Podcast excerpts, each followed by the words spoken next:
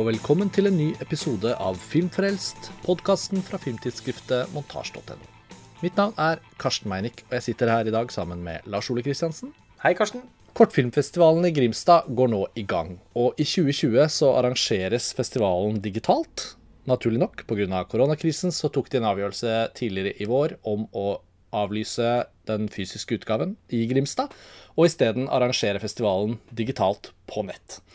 Og plattformen de bruker, gir publikum en mulighet til å oppleve kortfilmfestivalen akkurat slik den egentlig pleier å bli opplevd, med programmer i alle mulige seksjoner vi kjenner fra før av, og møter med regissører og det hele. Og Lars Ole, de siste par, tre, fire årene så har faktisk ikke jeg fått vært på kortfilmfestivalen i Grimstad, men, men, det har du. Hvis du kunne tenke på, Hva er det første liksom, du savner ved å ikke være i Grimstad og se filmene der? Nei, det er jo kanskje, for, i alle fall for de som da på en eller annen måte er i filmbransjen, nok den morsomste norske filmfestivalen å være på.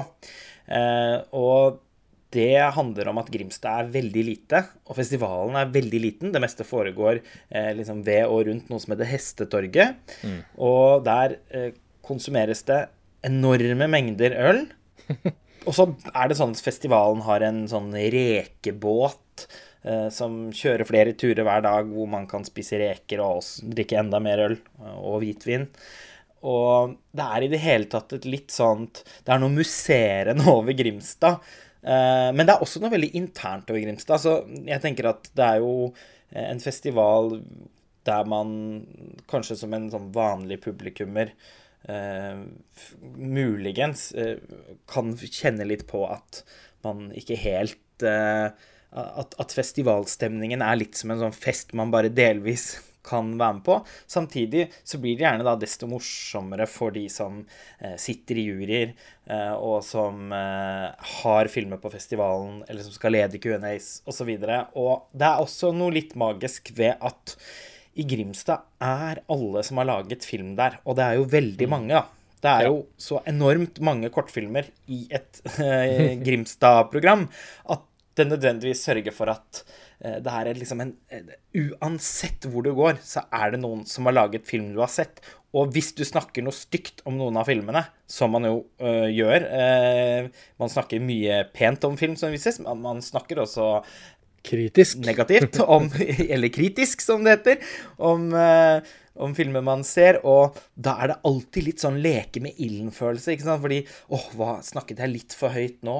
Åh, oh, nå så jeg på blikket til en der borte. Kan det ha vært hun som lagde Eller kan det ha vært han som huh. og, så, og det skaper en litt sånn morsom, liksom, ungdomsskoleaktig stemning som eh, jeg savner. Det er mange av de tingene du beskriver nå som jeg tror mange også opplever at er selve kvaliteten ved kortfilmfestivalen i Grimstad. Jeg sier ikke at det er det, men jeg tror nok det er veldig mye av dette her som kommer til å bli savnet. Og um, det betyr selvfølgelig ikke at ikke filmprogrammene har uh, egenverdi. Det er jo selvfølgelig magneten som gjør at uh, arrangementet fungerer så godt.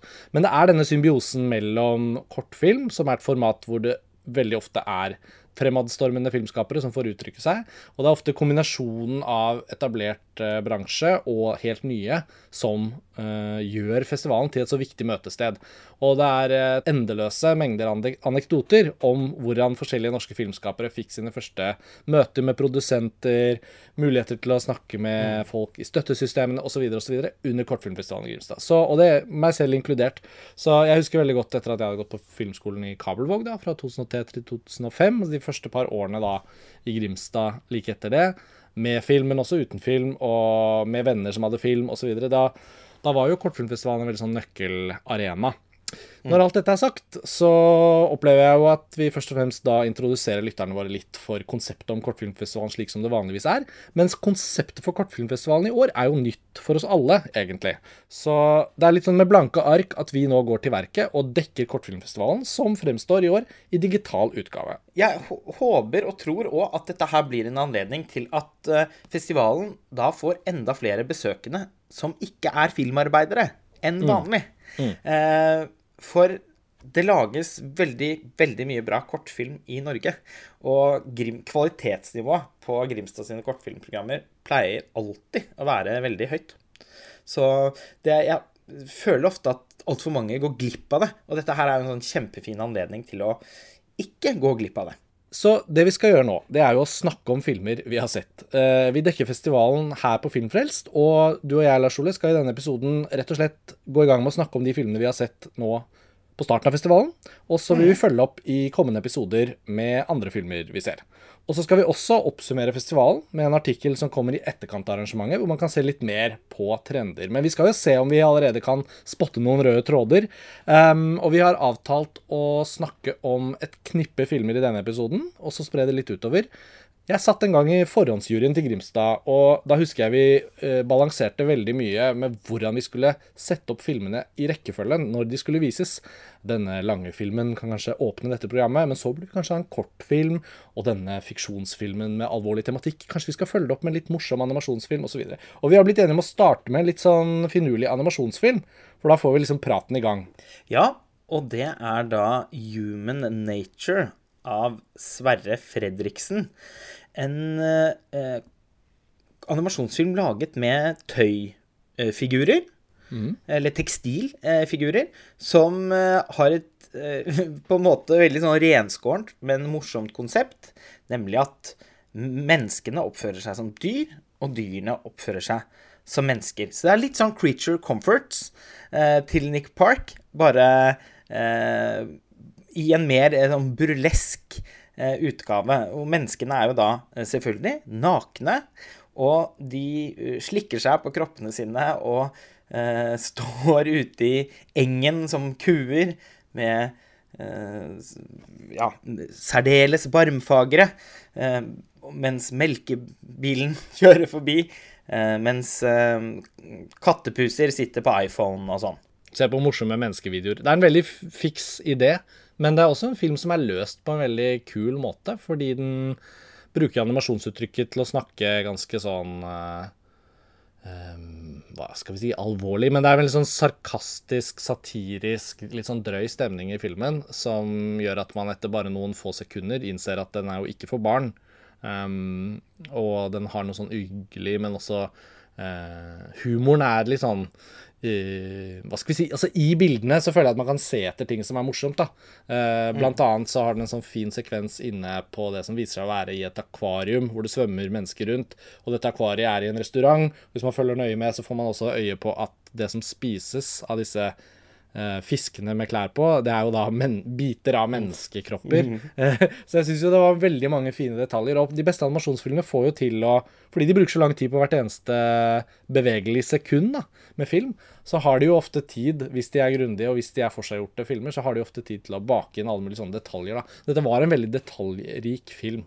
Um, men det så ikke ut til å være bare norskprodusert. Altså, jeg så et, uh, et uh, ja, skal vi si, internasjonalt navn på rulleteksten ved siden av Hans Sverre Fredriksen. Zao Wogen slo jeg opp.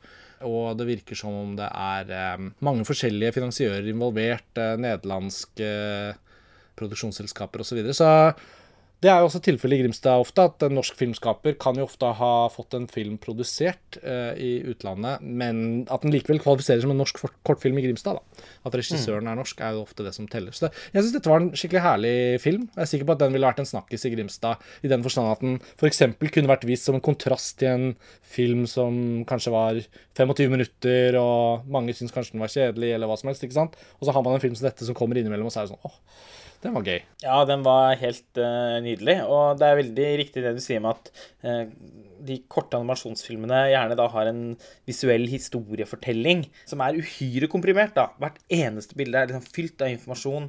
Og det finnes jo flere eksempler på det uh, i programmet. Den 'Mor visste ingenting' til Anita Killi også, som jeg likte veldig godt.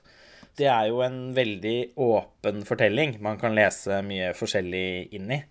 Eh, så, I så måte er det kanskje rart å omtale den som komprimert, men eh, det er nå engang sånn at man hver eneste eh, kamerainnstilling, mm. Eh, hvert, eh, hver en, hvert, eneste eh, blaff av lys eller skygge, små detaljer i produksjonsdesignet Alt er meningsbærende og fortellende fantastisk musikk av den polske mesterkomponisten Spigniew Preisner. Ja. Det er en sånn film hvor man bare føler at liksom, det er lagt så mye kjærlighet inn i hvert eneste sekund. Ja, hun, Anita Killie er jo en skikkelig veteran når det kommer til eh, norsk animert kortfilm. Hun har laget flere prisbelønte filmer og holdt på egentlig i nesten 30 år, tror jeg. Og eh, jeg minnes vel kanskje aller sterkest den filmen hennes fra 2009 som heter 'Sinna mann'. Ja, den er helt utrolig, Utrolig sterk eh, animert kortfilm. Og også en sånn type film som, når man har sett den, tenker jeg den kunne ikke vært laget på noen annen Altså, animasjonen har så mye å si for hvordan filmen uttrykker seg, og tematikken er så vanskelig at det er kanskje ikke nødvendigvis så lett å gjøre uten å kunne f.eks. animere, da.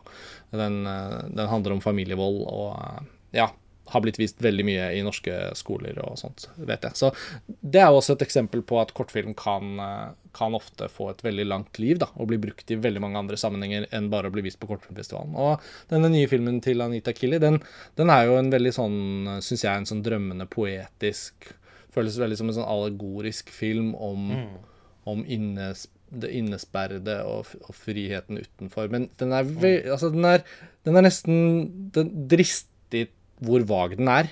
Mm. Jeg syns ikke det var negativt, men det var virkelig sånn at jeg tenkte oi, dette var ikke konkret. Nei. Her var det virkelig bare sånn Ja, altså, han kan se litt sånn nisseaktig, han gamle mannen, men han er jo ikke nisse, for det er jo ikke noe sånn fabel, dette.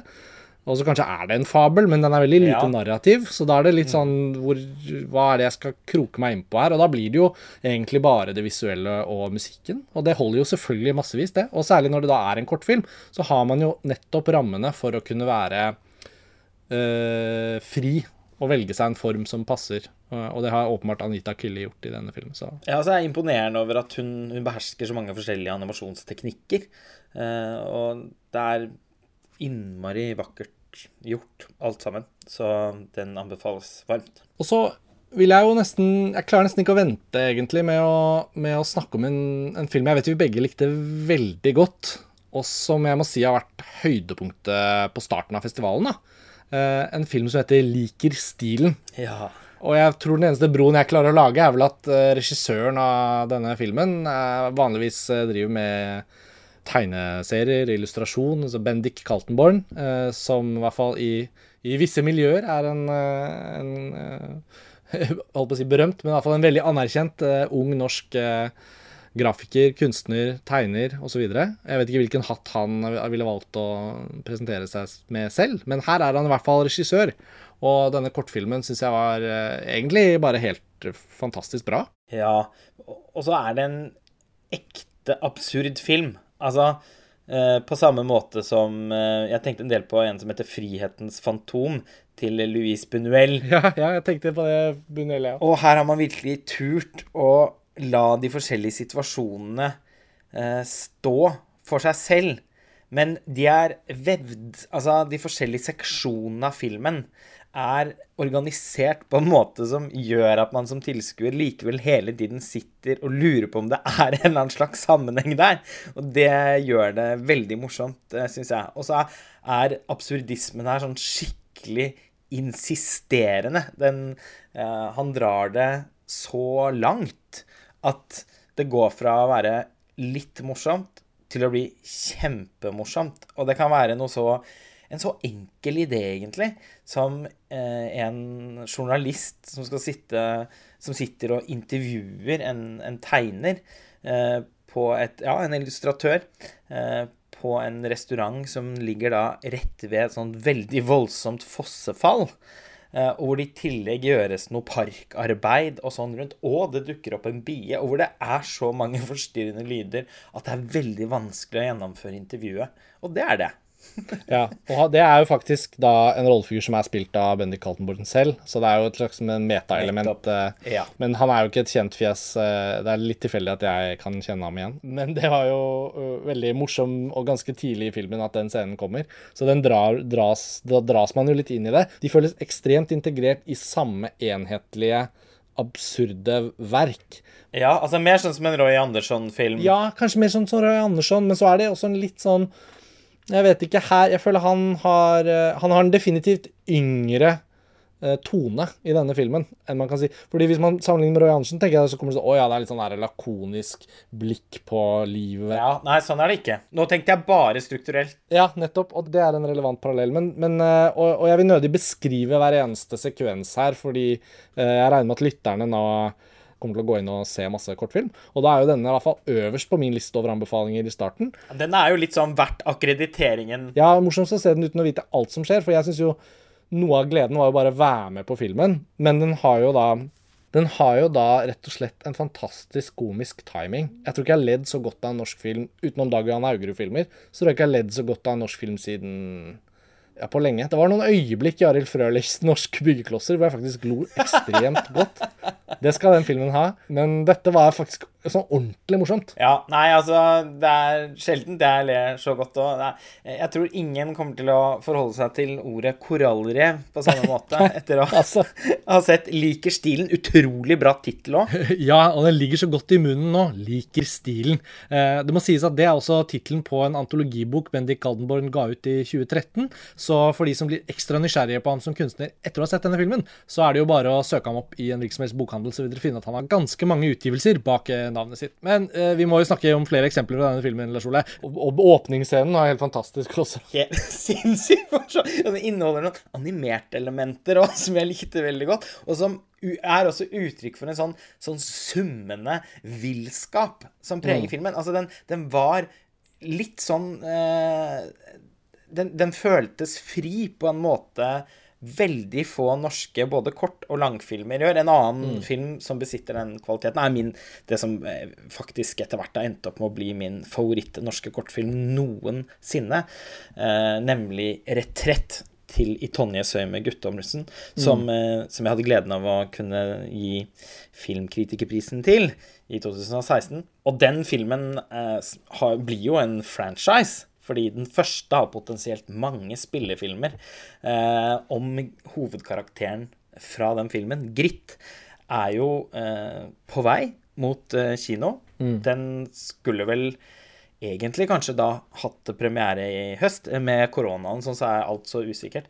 Men det er vel ingen norsk film framover jeg gleder meg mer til enn den. En i Tonje Søymer Guttormsens uh, start på et, uh, en franchise. Uh, Retrett var jo selvfølgelig starten, men Burning Man heter den nå. Den het vel også Grusomheten på et tidspunkt. Uh, men ja, det er, liksom, det er min største Grimstad-opplevelse.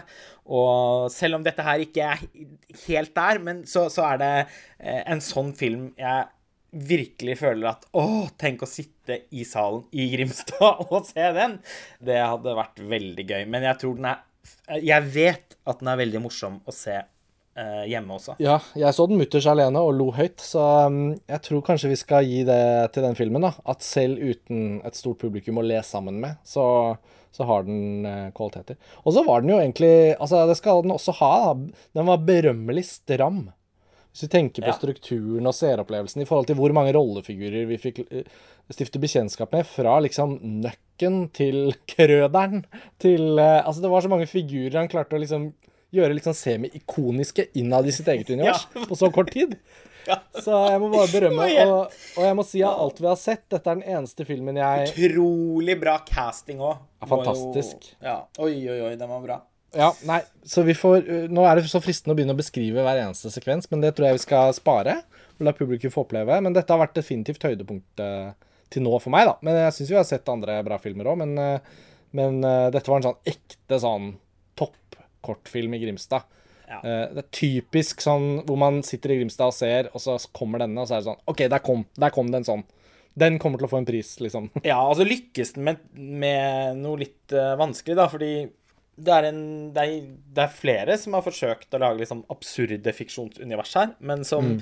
uh, sliter med å liksom komme til poenget på en eller annen måte. Altså, i Liker stilen så er jo noe av poenget at man bare skal sitte og, og, og liksom eh, vente, men ikke kjede seg. Mm. Fordi alt er eh, interessant og, og, hyllende morsomt, da. Men en sånn film som eh, den eh, Beat Around the Bush mm. til Jørn Utkilen, for eksempel, den har den, den har òg mange elementer av litt sånn absurd eh, humor. Men den syns jeg var Slå rundt busken, heter den på norsk. Mm. Den syns jeg var ganske uforløst. Jeg vet ikke hva du tenkte om den, Karsten? Jeg er enig i at det ikke var en film som gjorde særlig inntrykk, dessverre. Jørn Utkilden har laget veldig mye bra kortfilm. Han har jo nesten rukket å bli veteran han nå, for han har laget mange kortfilmer, og han har vært representert på mange kortfilmfestivaler i inn- og utland. Og han laget også en 40 og noe minutter lang film. På stående fot så husker jeg ikke den tittelen, og grunnen til at jeg ikke husker den, det er jo at Jørn Utkildens filmtitler glir over i hverandre. For de har ofte noe til felles med hverandre, og så sier man det ene, og så lurer man på var den riktig, da? Og så skjønner man at nei, det var den andre, og nå blandet jeg sammen to titler, og sånn fortsetter det, da. Men eh, Skal jeg se om jeg kommer på det underveis. Men han fikk det i hvert fall opp å stå som spillefilm, da. Sitt litt sånn Også han litt sånn absurd univers som eh, kom på kino i spillefilmen 'Vann over ild' for et par år siden. Og jeg syns nå fortsatt at de beste filmene han har laget, det er kortfilmer fra starten av karrieren, får man si. Både den lille Rødhette-filmen hans eh, og den som heter Size 4, er det det? Altså, han, altså, han, er utdannet i Skottland, hvis ikke jeg husker feil. Så han, det er sånn britisk eh, skuespiller som spiller ut uh, sånn fantastisk manus om en sånn fotball For de som er glad i fotball og har spilt fotball, så vet man at det er størrelse 4-fotball og størrelse 5-fotball. Størrelse 5 er liksom voksenfotballen, og størrelse 4 er en liksom for Når man er ungdom, så er det litt sånn lettere å få drive på spillet, og så er det en sånn rollefigur som blir veldig indignert over at at uh, han har fått feil størrelse. Um, men den er veldig morsomt gjort. Uh, og også den kortfilmen som heter Asylum, eller Asylum, den er ganske bra. Litt sånn, kanskje litt sånn over Ja, den har liksom litt for mye tematikk for sitt eget, så at den klarer liksom ikke helt å bære det. Og så, ja, den litt lange kortfilmen, 'Jord over vind' og 'Vann over ild'. Ikke sant? Det blir, glir over i hverandre. Men 'Slå rundt busken', som denne heter, den eh, er jo da en veldig sånn Jørn Utkilen-aktig kortfilm. Så jeg syns jo det er ikke noe vanskelig å kjenne igjen at det er han. Men det er jo like vanskelig for rutinerte folk som for nye filmskapere å finne, finne ut hvordan en idé til en kortfilm skal kunne ha nok driv og ha nok punch, men også være avsluttet. Altså ikke starte på for mye, men ikke handle om for lite. Det er jo det som er den evige balansen. Mm. Uh, skal den være kjempenarrativ? Skal den ikke være narrativ i det hele tatt? Skal den være absurd? Skal den bare være visuell? Skal den også være spennende? Ikke sant? Det er jo Ja.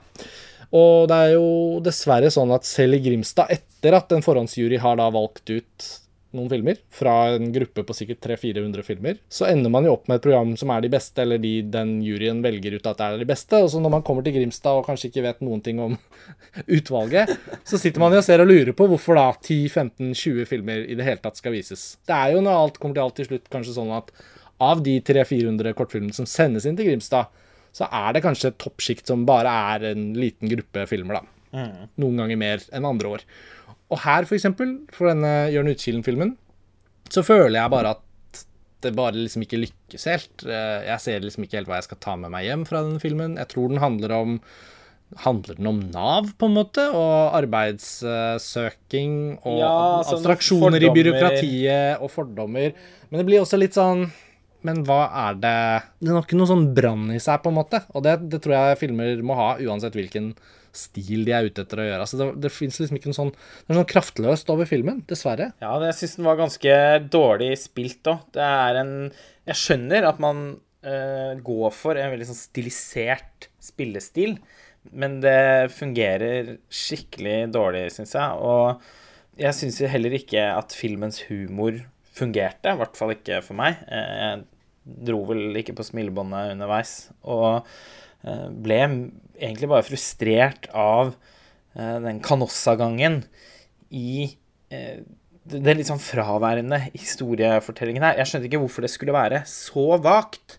Da måtte den levert på en helt annen måte i sitt litt sånn surrealistiske overskudd. Men det er jo heller ikke der.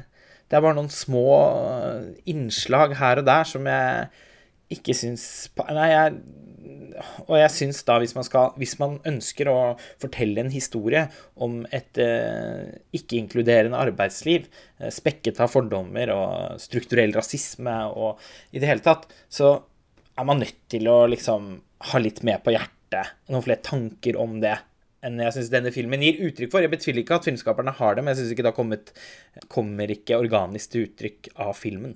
Nei, og da Jeg føler at Nå kan vi egentlig hoppe til en annen film, men det, litt for å avslutte Utkilen-samtalen og la, la, det gli over i noe annet, så har vi jo egentlig nesten endt opp med en liten tematikk i denne første episoden rundt at mange av filmene tar i bruk uh, abstraksjoner, da. Og, og uh, fra denne animasjonsfilmen til uh, Liker stilen? Ja, liker stilen, men også da altså I Utkilen-filmen så er det jo åpenbart sånn at jeg i hvert fall tror at denne kortfilmen på sitt, de, de, bra tingene i den, er jo når den er mest mulig abstrakt. Altså at uh, det at vi ender opp med å føle at uh, hun sortkledde kvinnen med rosa hodetelefoner er en veldig klar hovedperson, så blir hun jo det.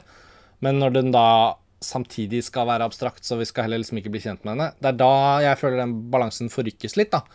Og, og, og, og da tenker jeg på en måte at en film som er virkelig far out, og veldig både absurd, abstrakt, litt sånn estetisk utilfredsstillende, men kontinuerlig litt sånn fascinerende. Det er den kortfilmen som heter Ja, nå vet du hvem du snakker om. Sentarium. Yes. Ja, og den Det den filmen my, Det var mye som klødde, som ikke jeg syns var direkte bra.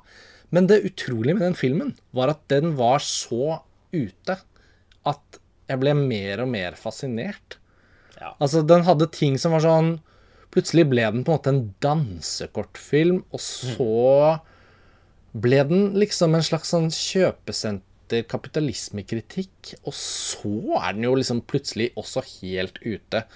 Og blir noe sånn messende, nesten litt sånn Spasmisk. Uh, ja, altså, altså det, var, det, var, en utrolig merkelig film. Og den har jeg nesten gledet meg litt til å snakke om, fordi den, jeg klarer ikke å plassere den som verken liksom mislykket eller vellykket. Den, liksom den lander jeg, jeg, ender med at den lander på plussiden eh, for min del, bare fordi dette Den representerer litt Plussiden er jeg enig om, men om det er bra eller dårlig Er det en anbefaling? Jeg vet ikke. Det er vanskelig å si, men den representerer også litt eh, Kanskje det morsomste sjiktet eh, ved Grimstad. Mm. At det er mulig å, å, å oppleve at norsk film har så uendelig mye eh, mer og rart ved seg enn det vi får tilgang til gjennom kinofilmen. Mm. Og dette her minner jo om liksom eh, Andrzej Zulawski og Leos Carax. Ja, en slags Som du var inne på, en slags sånn konsumkritisk fabel i overkant diffus. Eh, men det er noe der som likevel er eh, litt Ikke skjellsettende, det blir et altfor sterkt ord. Men mm. eh, den har noen skjellsettende bilder ja. Det, og, og, den er fascinerende egentlig hele veien. Ikke minst så var jeg veldig imponert over bevegelsesskuespillet. Altså du mm. var jo inne på at det nesten bikker over i å bli en slags dansefilm, og det gjør den jo. Og mm. hun som er, har da hovedrollen, som står bak de i rykkende, spasmiske eh, og tross alt veldig fascinerende bevegelsene, er jo vanvittig vanvittig god, da. Hun har faktisk koreografert det selv, så jeg det på rulleteksten. Jeg måtte gå inn på rulleteksten her, for jeg var også nysgjerrig på hvem det er som har laget denne filmen. Ja, hvem er det? Jeg, nei, altså, jeg kan jo ikke si at jeg kjenner uh, kjenner til ham i det hele tatt. Men det er da en uh, filmskaper som heter Alexander Johan Andreassen. Og helt til slutt så kunne man se litt hvor den var laget. Og dette er en film som beskreves på rulleteksten som at den er bestilt av Nordnorsk Kunstnersenter. Eh, den er filmet på Amfi kjøpesenteret i Mo i Rana og på Coop Obs i Mo i Rana. Og jeg føler sånn Mo i Rana, ja. Det er sånn jeg har litt sett for meg at det ser ut. Um, det er litt slemt sagt, da, men, uh, for det, filmen er ikke spesielt uh, vakker. Men den foregår jo inne på et kjøpesenter, så det, hvem, hvilket kjøpesenter i Norge er det som egentlig er vakkert? Det er jo ingen. Og så er den produsert med støtte fra Nordnorsk Filmsenter, eh, regionale prosjektmidler for visuell kunst, Billedkunstnernes vederlagsfond. Og når man begynner å se noen av de organisasjonene listet opp, så ser man jo at dette antageligvis er en film som har blitt produsert utenfor liksom, tradisjonelle fiksjonsfilmrammer som gjerne går til visse kilder for å bli finansiert og bli laget på en viss måte. Og det frigjør jo filmen, føler jeg, litt fra en veldig sånn typisk gjenkjennelig måte å være en kortfilm på, da. Det er heldig for filmen i denne sammenhengen, fordi den skiller seg ut gjennom at mange av valg som er tatt her, føles som ganske originale, nettopp fordi det er ikke så mange som gjør det på den måten. Eksempel det å, det å tillate at filmens liksom rom og lys og estetikk ikke er egentlig filmiske, men de er liksom tatt som de er. Nesten sånn dokumentarisk. At eh, For å si kort noe om eh, et slags plott her, da.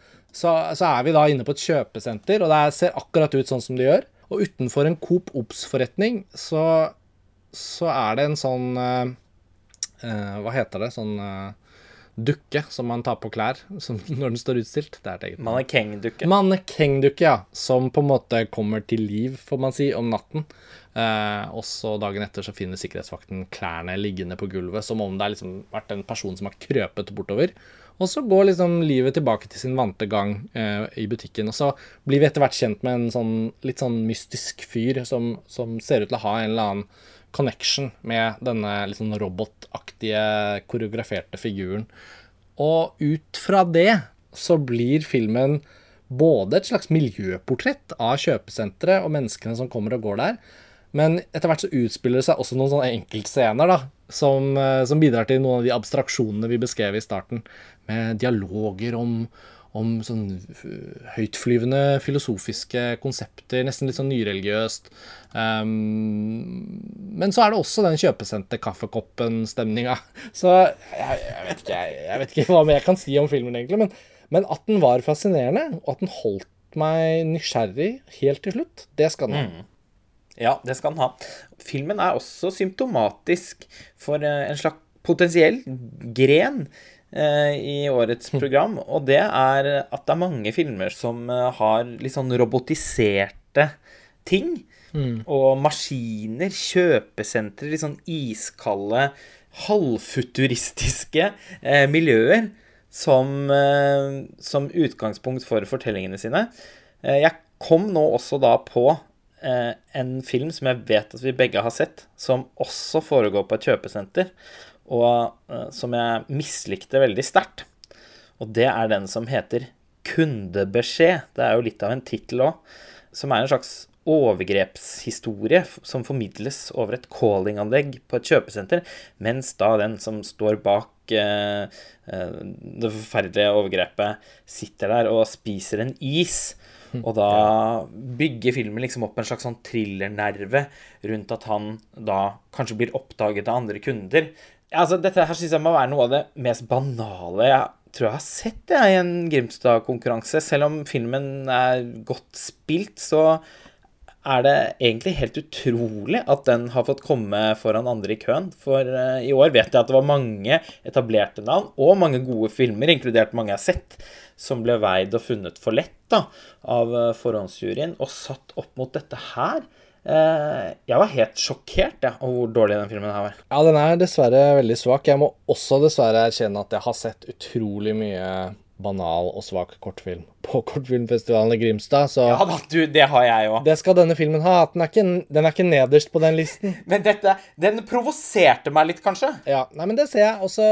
Dette er mest av alt en dårlig kortfilm. Men det er en dårlig kortfilm om et tema som fortjener eh, en bedre historie Altså. Ja, og jeg mener ikke å si det med sånn letthet og dårlig kortfilm, og så bare gå videre. Nei, det jeg mener er at her har man jo et ekte tema, eh, som du skulle til å si, og nå bare tok jeg over det, men eh, det er jo en film som handler om noe, og det er høyst relevant å si OK, hvordan kan en konfrontasjon mellom en overgriper og om ikke det direkte offeret, da, en rammet person, en eh, som er en pårørende. Eh, hvordan kan det utspille seg, og, og hva skjer når en konfrontasjon skjer? Og gjerne skjer da eh, I dette tilfellet så er det en konfrontasjon som skjer lenge etter hendelsen. Kanskje lenge etter, etter konsekvensen av hendelsen også. ikke sant? Så premisset har jo masse potensial. Og grunnen til at jeg syns det er en dårlig kortfilm, er at når man har et så sterkt premiss som til og med er blitt gitt en, eh, en ramme som har et visuelt potensial.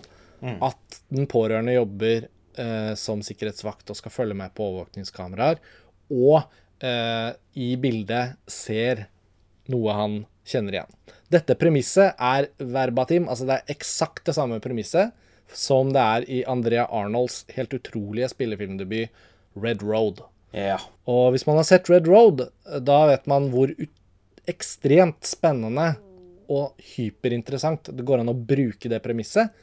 Nettopp ved å tøye strikken og la eh, blikk og visualitet styre vår nysgjerrighet på hva dette er. Det som skjer i denne kortfilmen Kundebeskjed, er at etter at premisset presenteres, og det går noen eh, ja, si det går 20-30-40 sekunder, så er egentlig hele spenningspotensialet brukt opp. Fordi filmen tar seg ikke noe tid i det øyeblikket det dukker opp noen i overvåkningsbildene som denne sikkerhetsvakten kjenner igjen, så får vi ikke noe tid til å være med på en eller annen form for spennende eh, bruk av blikk, bruk av kamera, bruk av tid og bruk av hovedpersonens avveiing om hva han skal gjøre. Han, han tar de valgene så kjapt at så fort han trykker på mikrofonen og begynner å snakke ut i kjøpesenteret, så er egentlig hele spenningen i filmen brukt. Og så er det syv-åtte minutter til med film. Og alt som liksom er det plottet du ramset opp, det blir jo bare vist i filmen gjennom altså, det som fremstår som en voiceover, da. Ja, ja, og det blir jo ikke diskutert på noen som helst måte. Nei, og hvis du skrur av lyden på denne filmen, så er jeg ganske sikker på at du ikke får egentlig noe annet enn bilder av en som sitter inne på et sikkerhetsrom, og en fyr som ser forvirret ut med en iskrem i hånden og lurer på hva det er som skjer. Ja. Jeg syns det, det, var helt hårreisende hvor eh, dårlig den filmen eh, var. Og, og, og den er Den fremstår amatørmessig, og jeg tenker at hadde den vært i konkurranse på i ung-seksjonen på Amandus, eh, så ville jeg tenkt at den tross alt var liksom nokså kompetent laget, eh, og at eh, den for en veldig ung filmskaper ville bydd på noen utfordringer som, som tross alt da var liksom OK løst. Men uh, sannheten er jo at uh, det var veldig mange bra filmer som ble vist på Amandus i år. Eh, ikke bare i studentprogrammene, men også i ungprogrammet. Og det var særlig et par der som jeg virkelig liksom håpet at uh, skulle bli valgt ut til Grimstad. Men det skjedde ikke, det, da. Mm. Mens dette her, det, det, måtte med. Det er en film som ikke helt tåler å bli vist ved siden av mange av de andre filmene vi har sett her. Og det inkluderer jo filmer som ikke bare vi har positive ting å si om. Um, når det er sagt, Lars Ole, så lurer jeg på om det tar oss litt til slutten av denne episoden. Ja. Men til lytterne, da, så er jo altså Kortfilmfestivalen i gang. Den går frem til 14.6, og på kortfilmfestivalen.no så kan man altså hvem som helst Du må ikke nødvendigvis bare være bransjeperson eller befinne deg i Grimstad. Nå er det plutselig fritt frem for alle filminteresserte rundt omkring i Norge å gå inn og få seg en akkreditering. Det er veldig mye film på programmet og forskjellige sideprogrammer osv. Det vi har konsentrert oss om, som dere hører nå, det er jo da norsk fiksjonskortfilm. Det er eh, også dokumentarer, og det er også internasjonale kortfilmer og forskjellige paneler og fagsamtaler og sånn. Så det er stort program. Bare gå inn og se. Eh, og Lars Ole, vi returnerer i neste episode med flere samtaler om ting vi har sett på Kortfilmfestivalen. Mm. Skal vi bare si det sånn for denne gang, og la det være det? Og liker stilen av Bendik Kaltenborn er, i hvert fall for meg, og jeg tror det er for deg òg, ja. høydepunktet til nå. Helt uh, klart. Yes. OK, men da snakkes vi snart igjen. Ha det bra, alle sammen. Ha det.